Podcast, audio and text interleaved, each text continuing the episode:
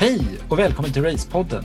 Vi är många som arbetar med eller kring motionslopp som tålmodigt inväntar att smittspridningen ska gå ner. Men som även önskar tydliga riktlinjer och besked från regeringen i frågan om undantag för motionslopp. I förra avsnittet intervjuade jag Björn Eriksson, ordförande för Riksidrottsförbundet och hade ett väldigt spännande samtal kring pandemin, loppen, ekonomisk ersättning och mycket mer. En sak som Björn var tydlig med var att han önskade mer och tydligare besked från regeringen. Därför är det väldigt spännande att Sveriges idrotts och kulturminister Amanda Lind tog sig tid för att prata om det nya förslaget kring motionslopp i kort intervju med mig. Så i dagens avsnitt av Racepodden får ni höra en exklusiv intervju med Amanda där mitt mål var att höra hennes och regeringens resonemang för att bättre förstå hur de tänker, men framför allt hur lopparrangörer och deltagare kan tänka framåt. Personligen tycker jag att det var en spännande digitalt möte där det i alla fall för mig blev något tydligare kring regeringens resonemang och vad nästa steg är i frågan kring motionslopp. Så utan att fördröja ytterligare så kommer här min intervju med dagens gäst Amanda Lind. Trevlig lyssning! Det är väldigt roligt och tacksamt att vi fått möjligheten att intervjua nästa gäst. Då hon har mycket att stå i, både i vanliga fall, men kanske framför allt nu i pandemitider. Så välkommen till Racepodden, Sveriges kultur och idrottsminister Amanda Lind. Tack så mycket. Hur står det till idag? Eh, jo, men det är bra. Jag vaknade, det var lite sol utom, utomhus och det blir man ju alltid lite glad över nu. Det tycker jag verkligen att, att man längtar efter nu i de här tiderna. Solljus och vår och eh, lite ljusare framtid på många sätt. Sannerligen, sannerligen. Jag tänkte innan vi sätter igång eh, så skulle jag vilja ställa frågan, vem är egentligen Amanda Lind när du inte är politiker? Mm. Ja, men jag är 40 år. Jag har Eh, bor med min man och våra tre gemensamma barn, två tonårskillar och en dotter på ett och ett halvt. Sen har jag två vuxna bonusbarn också. Jag är uppväxt i Luleå eh, med släktrötterna i Västerbotten. Jag har eh, idrottat mycket i min barn och ungdom, utbildad psykolog. Ehm, ja, just nu så följer jag mycket Vinterstudion på helgerna. Det är ju VM-säsongen nu så att det tycker jag är, är väldigt roligt. Ja, precis. Och det var en fantastisk dag igår. väldigt roligt. Ja, verkligen. Nu fick jag ju inte, jag jobbade ju igår så jag kunde inte följa VM-sprinten eh, live, men jag tittade i kapp igår kväll och eh, det var härligt att se Jonna Sundlings eh, cross. Verkligen. Du nämnde förut att du har gjort några idrotter. Vilka idrotter har du har varit på din agenda så att säga? Mm. Ja, men jag har ja, höll på lite med konståkning, lite med slalom, eh, provade lite olika sporter sådär. Men sen, eh, sen höll jag på med tennis i rätt många år. Och det har jag också hållit, eh, hållit i nu som, eh, som vuxen. Och det är, det är väldigt roligt nu med, med den typen av, av idrotter som man kan hålla på med. Sen har jag också joggat en del faktiskt. Det har jag tyckt varit en härlig, härlig motionsform, inte minst som, som vuxen. Och jag har lite av det där i med den här lite tävlingsdjävulen. Jag gillar att jag kan gå igång på såna här träningsappar och följa, min, följa utvecklingen och sånt där. Det kan vara lite farligt också, för jag har, jag har också det klassiska lite löpknä och så som, som man kanske kan drabbas av när man blir lite för entusiastisk. Okej, okay, jag förstår. Har det blivit några lopp möjligtvis? Ja, nu var det ett tag sedan faktiskt, men mest sådana här lite, lite mindre lopp, Vårhuset och, och, liknande. Men jag tycker att det är, det är kul med den typen av eh, motivation som, mm. eh, som kan också motivera en till att träna. Och det är ju faktiskt en sak som nu under pandemin, jag har sån full förståelse för, för eh, det är någonting som många av oss har tappat också. Vi så att säga, motionärer, det här är ju inte minst viktigt för elitidrottare och sådana som satsar hårt, men även för oss motionärer att ha de här målbilderna framför sig för att, för att motivera en till träning. Det tycker jag har varit fint med de lopp som har valt nu att, att köra digitala eh, lösningar och så, för det vet jag ändå att många har, har kunnat, kunnat ha som fokus. Mm. Eh, verkligen, man har varit kreativ i den här branschen. Eh, jag tänkte så här att vi skulle dyka in lite nu på, på dagens agenda såklart och det är ju att regeringen har öppnat upp för, för lättnader och restriktioner gällande utomhusevenemang när smittläget tillåter, det är viktigt att säga. Kan du berätta lite mer i dina ord vad det här innebär för, för just motionsloppsarrangörer som är väldigt många som lyssnar på den här podden? Mm. Ja, men min utgångspunkt har ju varit egentligen genom hela pandemin att den gamla ordningslagen som, som har reglerat publikfrågan har varit väldigt trubbig oavsett om det är ett arrangemang som sker inomhus eller utomhus, utspritt över ett stort område Eh, eller i en väldigt liten lokal så har det varit samma regler och det har slagit eh, på, på, ett, på ett knasigt sätt. Eh, nu när vi har den nya pandemilagen så har vi mycket större möjligheter att göra, få till en mer träffsäker och mer rättvis reglering. Nu under andra vågen så har ju fokus varit att egentligen reglera fler andra verksamheter, få in sånt som har varit helt oreglerat in i en lagstiftning. Men vi har ju också parallellt jobbat med och nu äntligen skickat ut på förslag då hur en sån här uppdelning skulle kunna se ut. Och det vi har gjort då är att vi har bland annat gjort så att vi har när det gäller publikfrågan skilt på om det är publik inomhus, om det är inomhus och sittande där man har möjlighet att hålla avstånd, om det är utomhus publik. Och vi har också brutit ut just motionsloppen och det gäller både för eh, kan man säga, skidlopp, orientering, löpning, där man rör sig över stora ytor och där deltagarna också ju har varit reglerade tidigare.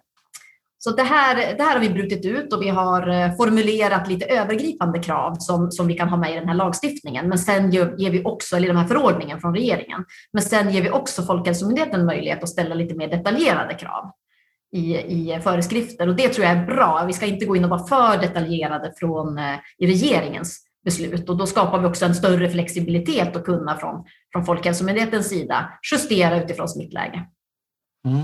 Du nämnde just ordningslagen som, som trubbig och det här var ju någonting, jag hade Björn Eriksson på besök i podden förra, förra gången, han nämnde det här också. Eh, kan, kan du berätta lite mer kring hur, hur ni har resonerat kring eh, ordningslagen, hur du ser att den så att säga, trubbigheten ska, ska förändras för just motionsloppens mm. eh, verksamhet? Ja, Ja, men ordningslagen det var ju det som fanns att ta till när pandemin slog, mm. slog till. Eh, först var gränsen 500 för publika verksamheter, sen 50 och nu 8. Och då reglerar ju det, eller det gjorde det då, allt från hur mycket publik du får ta in på en teaterföreställning, hur många som får besöka en mässa, hur många som får gå på loppmarknader, eh, nöjesparkerna regleras av ordningslagen och också eh, motionsloppen.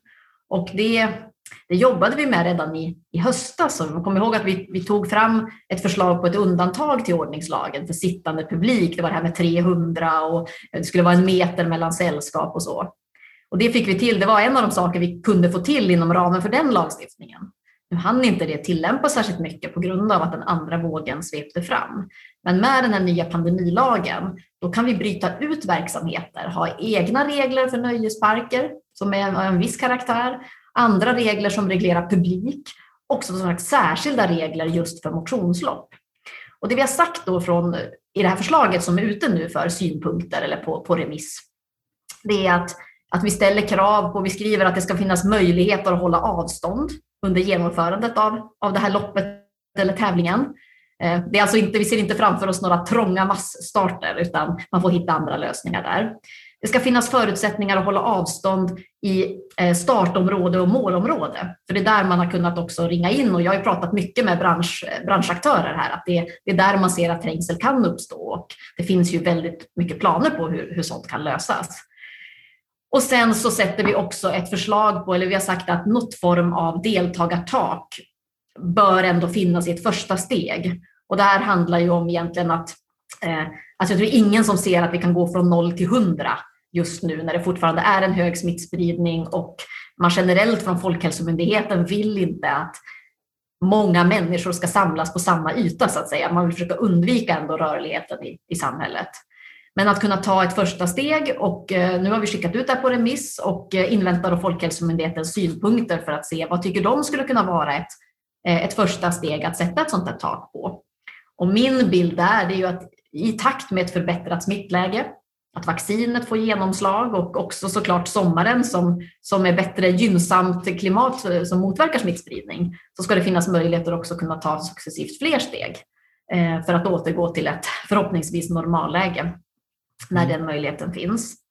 Och sen kommer som sagt Folkhälsomyndigheten att kunna ha möjlighet att vara lite mer detaljerad i, i ytterligare föreskrifter och eh, här tycker vi att det är jätteviktigt med dialogen mellan Folkhälsomyndigheten och eh, Eh, ja, det kan vara Riksidrottsförbundet eller eh, specialidrottsförbund eller i det här fallet då, då arrangörer kring den här typen av, eh, av lopp som, eh, både kan bistå Folkhälsomyndigheten med kunskap om vilka krav som är rimliga och viktiga för att det ska kunna bli ett tryggt evenemang.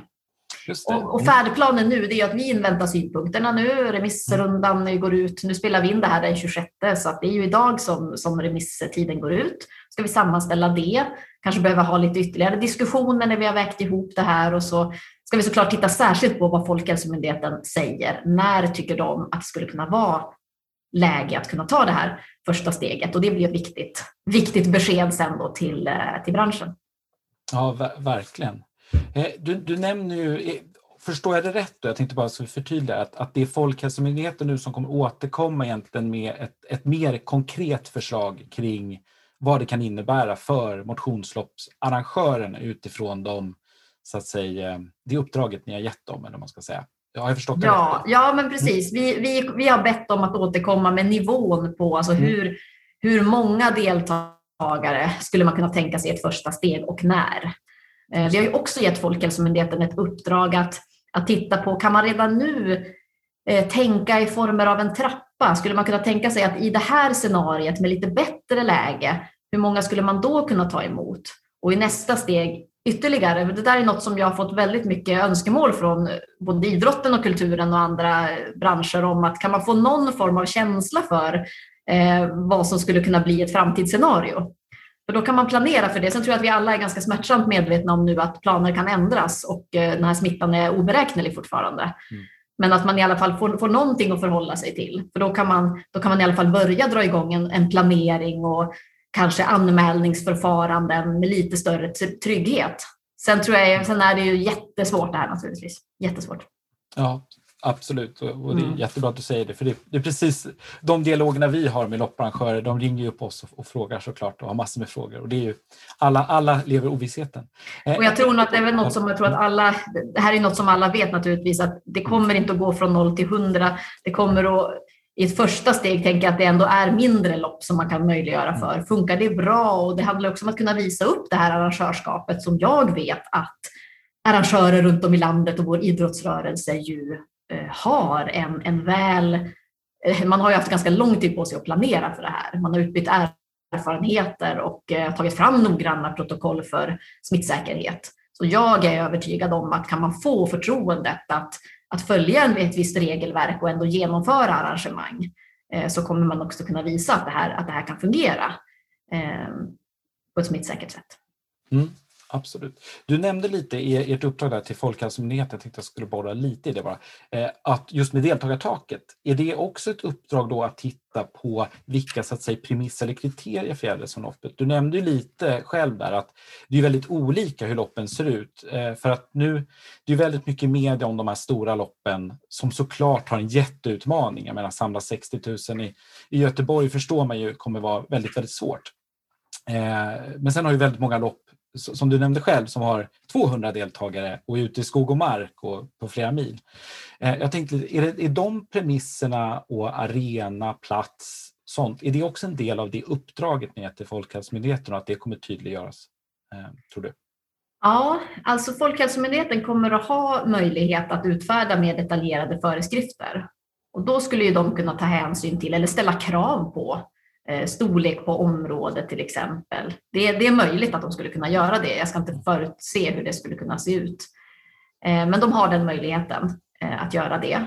Men sen ska vi komma ihåg att om man skulle ta ett, ett första steg och sätta ett, ett visst deltagartak ändå som ska vara mer än åtta, men kanske inte så där jätte, jättemånga i ett första steg, då är det ju just de här mindre loppen, mindre arrangemangen runt om i hela landet som kanske kommer att ha den, den första möjligheten att, eh, att genomföras. Sen ska man ju ändå komma ihåg också att, att i, i, nästa steg så blir det också en tillämpningsfråga av de här eh, reglerna som sätts naturligtvis. Men jag tycker att det känns viktigt att vi får till ett regelverk så att, så att man i alla fall vet vad man har att förhålla sig till. Ibland blir det en osäkerhet när, det här, eh, när man har ett regelverk som, eh, som i grunden en dialog med ordningsmakten ska göras och så tolkas det lite olika på olika håll i landet. Just det. Mm jag tänker på kultur, i kulturen så har ju diskussionen varit väldigt eh, sådär gällande ensemble och inte hur det ska räknas in och sådana saker i, i, eh, vad ska man säga, i deltagarantalet. Vet du om det har förts liknande resonemang kring motionslopp där vi har funktionärer som egentligen har precis nu ska jag inte säga att de har samma roll, men en liknande roll som ensemblen. Har ni haft de diskussionerna? Ja, precis. Det där är också en uttolkningsfråga. Men mm. eh, som jag har förstått det när det gäller eh, både idrotts och kulturevenemang så räknar man inte med de som jobbar med själva evenemanget. Okay. Man räknar inte med funktionärerna. När det gäller begravningar eller gudstjänster så räknar man inte med prästen till exempel. Så, så det är nog så man, man, man ska förhålla sig. Och sen är det ju viktigt just när det gäller motionslopp som sker till exempel i, i en stadsmiljö. Då är det ju helt omöjligt att räkna in den, den spontana publiken som kommer och ställer sig vid en bana. Men det kanske är också någonting som Folkhälsomyndigheten kan tänka mig få ta en funderare kring om, om det behövs några, några särskilda riktlinjer där också. För det handlar ju ändå om i ett första steg så ska vi försöka undvika att människor samlas. Och just när det gäller motionsloppen just nu under pandemin så är det viktigaste att, att själva tävlingen kan genomföras, tänker jag. Sen får vi som, som eh, gillar att vara publik också, man får, får hitta kanske andra vägar att göra det eller göra det ytterst smittsäkert. Absolut, det håller jag med om. Du, ingen har ju undgått att Vasaloppet då ändrade sitt upplägg med ett väldigt kreativt upplägg måste man ju säga, där de gjorde Vasaåket och, och den här arenan, eller hur man ska säga. Eh, hur, ser du på, hur ser du på den lösningen? För det är ju till viss del ett sätt att, att kringgå den lagstiftning som så att säga fanns på plats. Har du någon ja. åsikt eller tanke? Men jag vet att det har ju gjorts, det är ju inte bara Vasaloppet utan det är ju också, mm. det har varit lite rallytävlingar och liknande. Man har gjort, eh, hittat den här typen av lösningar. Nej, men det här är ju grunden, när man har en dialog med ordningsmakten lokalt och eh, har hittat en väg framåt. Så här, I grunden så är en förståelse för att man försöker hitta de vägar som, som finns. Men där kan jag tycka att nu är det bra att vi försöker få till ett regelverk som alla kan förhålla sig till. Mm det är ju jätteviktigt att, att det finns någonting som, som alla kan följa och som är tydligt och klart. Mm. Ja, det är superbra. Folkhälsomyndigheten har ju sagt att, att vi ska räkna med restriktioner över tid eh, och antagligen det här året alla gånger ut, vet jag, är det Johan Karlsson som har gått ut med det. Jag tänkte lite, har du i, i din så att säga, inblick i det här, som du har det, har du ett troligt maxtak eller någonting redan idag som du känner att det här det kommer antagligen bli så här året ut? För att som du säger så är smittspridningen är ju, den är ju väldigt hög just nu och det är ju inte läge att öppna upp för motionslopp just nu, det förstår alla. Men jag tänker även i höst och, och, i sommar, hur ser du liksom på, på den delen framöver? Mm. Nej, men det är, det är jättesvårt att säga. Vågar du på en gissning? Är väl ja, nej, det tror jag inte att jag gör. Däremot så hoppas jag att vi har, ska ha möjlighet att kunna ta successivt flera steg under det här året.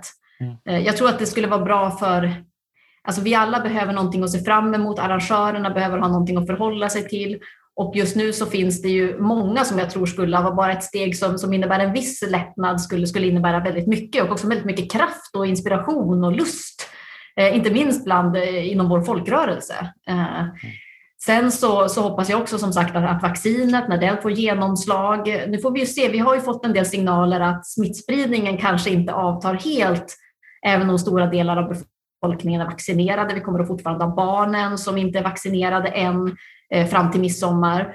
Så att, eh, så att vi behöver nog tänka en stegvishet i, Eh, i det här och jag tror att det är bra. Eh, och eh, sen tror jag att vi, jag tycker ändå att vi har skäl att se positivt på det läge som händer nu. Att, vi, att samhället, att världen kunde få fram det här vaccinet, att det nu är på väg att rullas ut. Och vi har ju faktiskt en god erfarenhet av vaccinering i Sverige. Vi har en hög vaccinationsgrad när det gäller alla typer av vaccin och en hög tilltro till vaccin. Och det är ju något som jag försöker sprida också i alla sammanhang, att eh, att vaccinera sig nu. Det är faktiskt en insats för, för faktiskt hela vårt samhälle att göra det.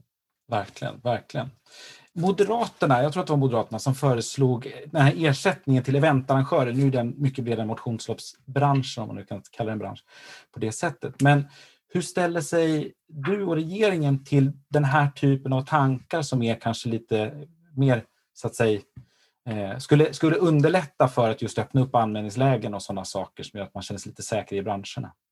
Jag, jag egentligen delar väldigt mycket de, eh, de utgångspunkterna som ligger bakom det här förslaget och tycker det är väldigt bra också att fler partier eh, engagerar sig i förutsättningarna för eventen, för kulturen, för idrotten. Hittills har vi haft en väldigt bred uppslutning också bakom våra krispaket till kulturen och idrotten.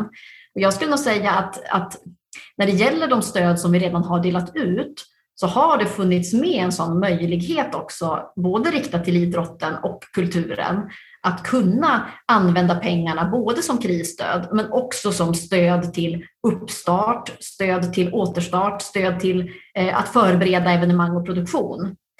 Eh, så, så det, det, sen kan man ha synpunkter på vilket, vilket förslag skulle vara bäst och liknande. Kan, det finns en, en, flexibilitet i de modeller vi har redan nu för stöden som jag kan tycka är ganska bra. Eh, risken är om att man ska låsa sig i ett ganska avancerat system, att det blir några stora som skulle kunna använda sig av det och det kanske blir lite, lite svårt att hitta rätt nivåer och detaljerna i det. Men igen nu, nu, nu vet jag att man tittar på de här frågorna i, i finansutskottet, det har tagits ett initiativ och eh, målbilden eh, i det förslaget, det vill säga att eh, både kultur och idrottsarrangörer, eventarrangörer ska ha möjlighet att planera för en återstart den delar ju jag och delar ju också regeringen. Och när det gäller stödet till idrotten vill jag säga, där har ju vi gått in med en och en halv miljard förra året, ytterligare flera hundra miljoner i år och har ju en väldigt nära dialog också med Riksidrottsförbundet nu om både fortsatta krisstöd och eh, återstartsstöd. Eh, och vi har ju visat från regeringens sida och samarbetspartierna då att vi har stöttat upp idrotten eh, med vad de har också efterfrågat. Vi ser verkligen värdet i i vår folkrörelse. Mm. Jättebra. Eh, jag tänker så här, pandemin kommer ju någon gång att ta slut. Eh, och jag tänkte som en, som en sista fråga här, så tänkte jag lite så här, hur ser du på motionsloppens roll i samhället och för folkhälsan i stort? När vi nu så att säga förhoppningsvis någon gång kommer ur det här. Eh, och kanske specifikt också småloppen som, som ofta lever i skymundan för de här sto, stora loppen som ofta tar väldigt mycket uppmärksamhet men jag, de fyller en jättebetydelsefull roll såklart. Eh, jag tycker att det är jättehärligt med den eh, folkrörelse som jag har blivit kring, kring löpning, för att ta det exemplet, men också skidåkning. Jag tycker man ser ett större och större intresse och det är viktigt, för det finns ju en folkhälsoaspekt i det. Regeringen har tillsatt en nationell kommitté eh, som ska samordna eh, den fysiska rörelsen och, och hälsan.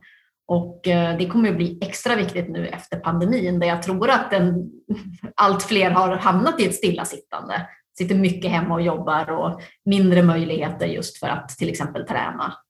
Eh, loppen fyller ju en viktig funktion just för att motivera en och jag också vill säga det att det finns en sån bredd också. Allt från de här eh, ultramaratons eh, till eh, de här fem kilometers loppen som öppnar för alla. Man kan gå och lufsa och jogga och att det finns något väldigt välkomnande tycker jag i den, eh, de svenska eh, olika motionsloppen. Och sen tycker jag att jag hoppas ju det att det är något som man kanske också tar med sig nu inför Eh, i framåt som så många branscher att det man har behövt hitta digitala lösningar under, under pandemin, att det kan också göra, vara någonting som gör att man, man sänker trösklarna till deltagande, man kanske gör det lite lättare för fler att delta och man får ännu ett större mervärde av sitt, eh, sitt lopp när man adderar det här digitala. Det är ju något som jag tror att många ändå man motiveras av den här lilla extra eh, gamification-ingrediensen som, som en del kan ha av, av, av de digitala lösningarna. Ja, verkligen, verkligen. Nu rinner tid mot ett slut. Jag vet att du har ett jättepackat eh, schema idag eh, och en hektisk dag framöver. Men jag vill verkligen tacka så supermycket för att jag fick chansen att höra ditt eget resonemang kring just motionsloppen. Eh, så ett jättetack till det, Amanda.